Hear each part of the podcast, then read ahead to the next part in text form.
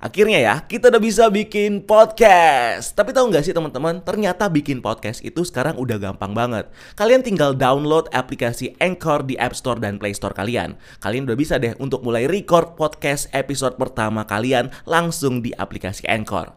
Bahkan kalian juga bisa edit podcast kalian langsung loh. Di aplikasi Anchor, podcast kamu bakal didistribusikan ke podcast streaming platform seperti Spotify, Apple Podcast, dan masih banyak lagi. Dan yang pasti, gratis. So you download aplikasi Anchor di App Store dan Play Store kalian atau kunjungi www.anchor.fm. Selamat bikin podcast. Hey girls, welcome to Breakdown Channel Universe. Setelah sekian lama ditunggu, kita akhirnya bisa ngeliat trailer dari karakter Marvel yang satu ini, Spider-Man. Bukan, Venom maksudnya. Ya akhirnya ngeluarin trailer di Spider-Man Day kemarin ya guys ya. Ah ada banyak detail baru di trailer ini yang reveal beberapa plot dari filmnya nanti Terutama soal bagaimana awal mula Cletus Cassidy bisa jadi Carnage. So nggak usah lama-lama lagi langsung kita breakdown trailernya bareng gue Rian. Kita bahas topik kita kali ini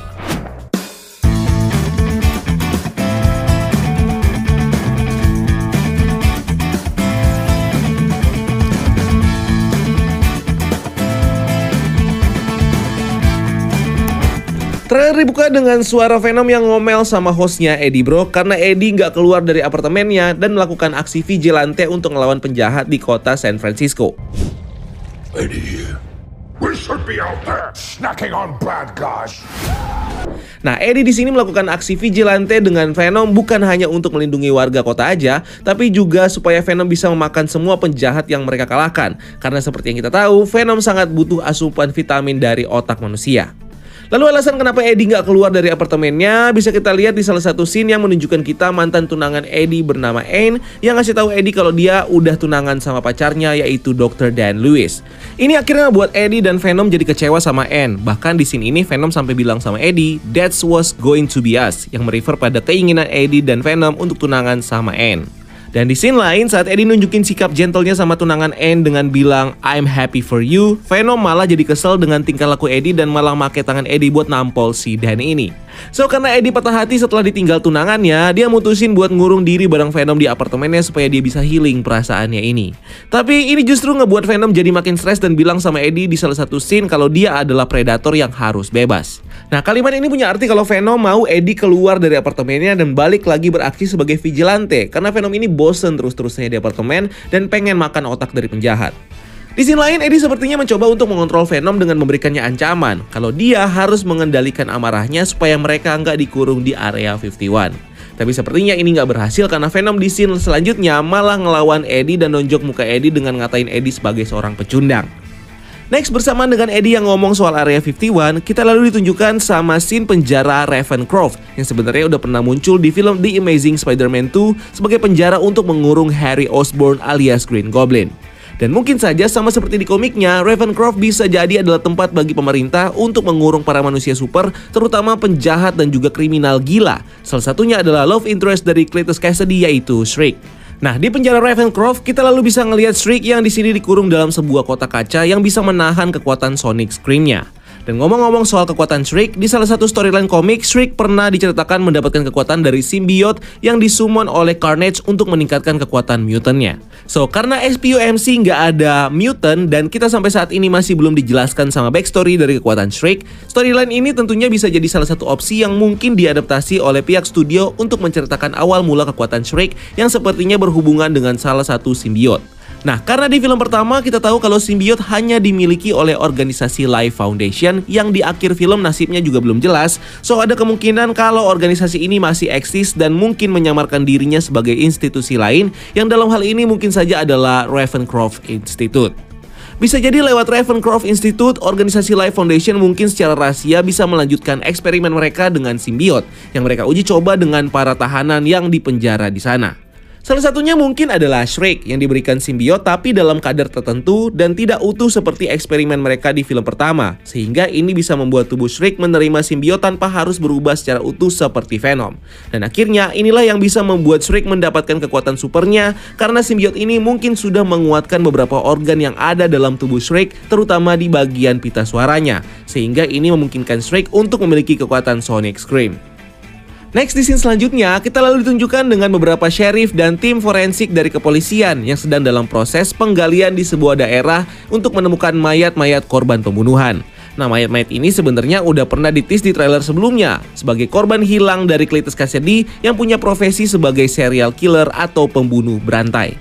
Dan di scene selanjutnya kita akhirnya bisa tahu motif sebenarnya dari Cletus Cassidy kenapa dia bisa memilih Eddie Brock sebagai wartawan favoritnya.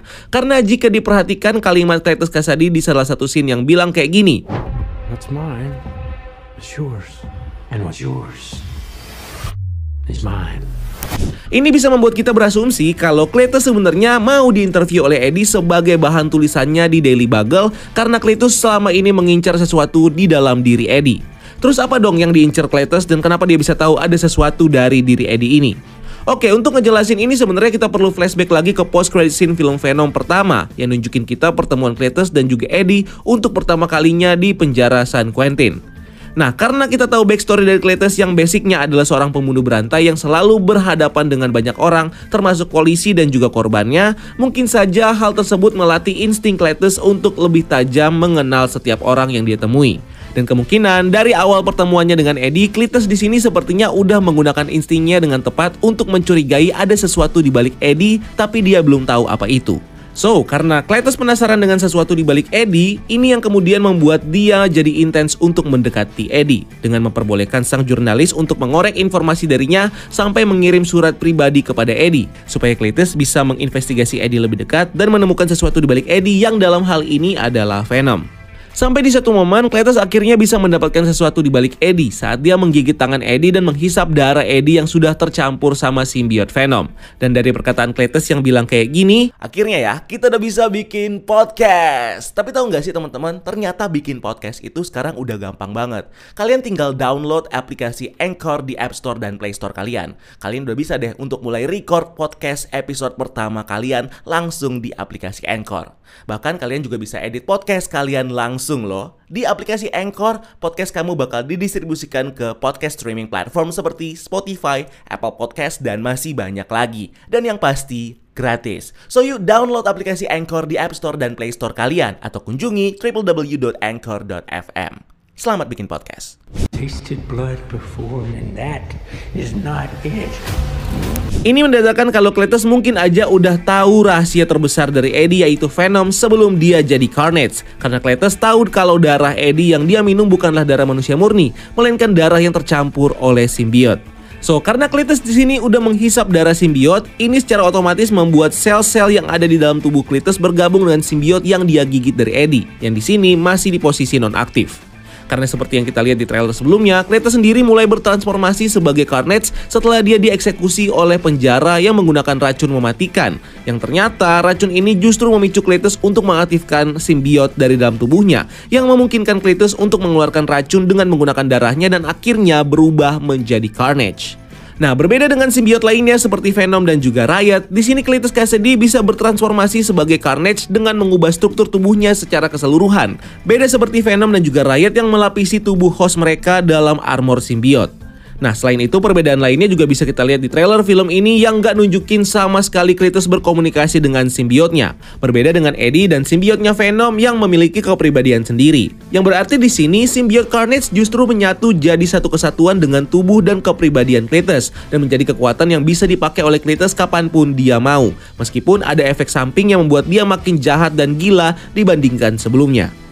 Anyway, di scene lainnya, kita kemudian bisa melihat Cletus yang menggunakan kekuatannya sebagai Carnage untuk kabur dari penjara dan akhirnya pergi ke penjara Ravencroft untuk membebaskan Shrek yang dipenjara di sana.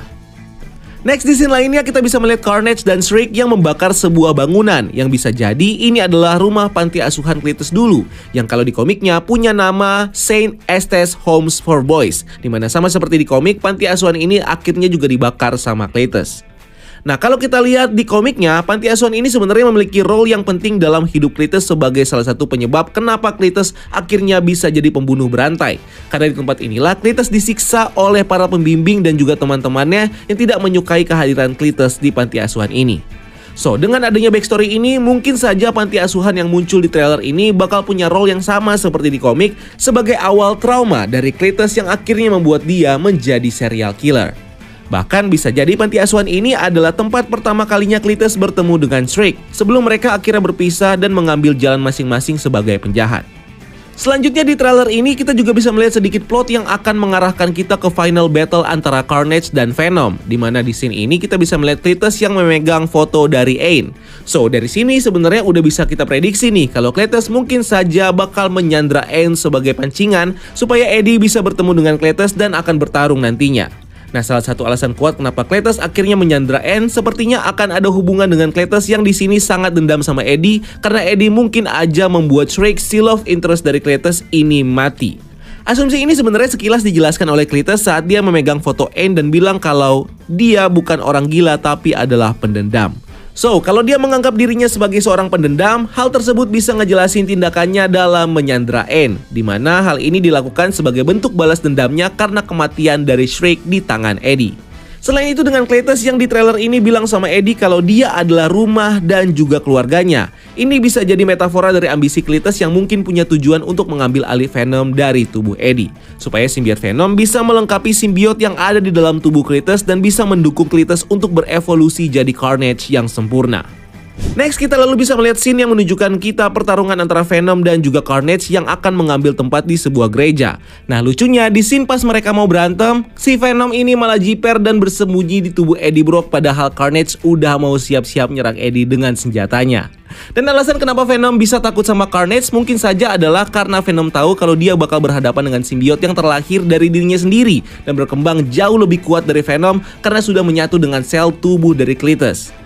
Ini bisa dibuktikan dari trailer ini yang menunjukkan kita bagaimana Carnage memiliki kekuatan yang jauh berbeda dengan Venom. Seperti Carnage yang mampu untuk bergerak dengan cepat dan fleksibel dengan mengubah dirinya jadi tentakel. Terus ada kekuatan projectile dan juga kemampuan untuk mengembangkan tentakelnya dalam ukuran yang besar dan range yang cukup jauh. Selain itu bisa juga alasan kenapa Venom takut sama Carnage adalah karena dia tahu inang dari Carnage adalah Cletus yang lebih kuat dan jahat daripada Eddie.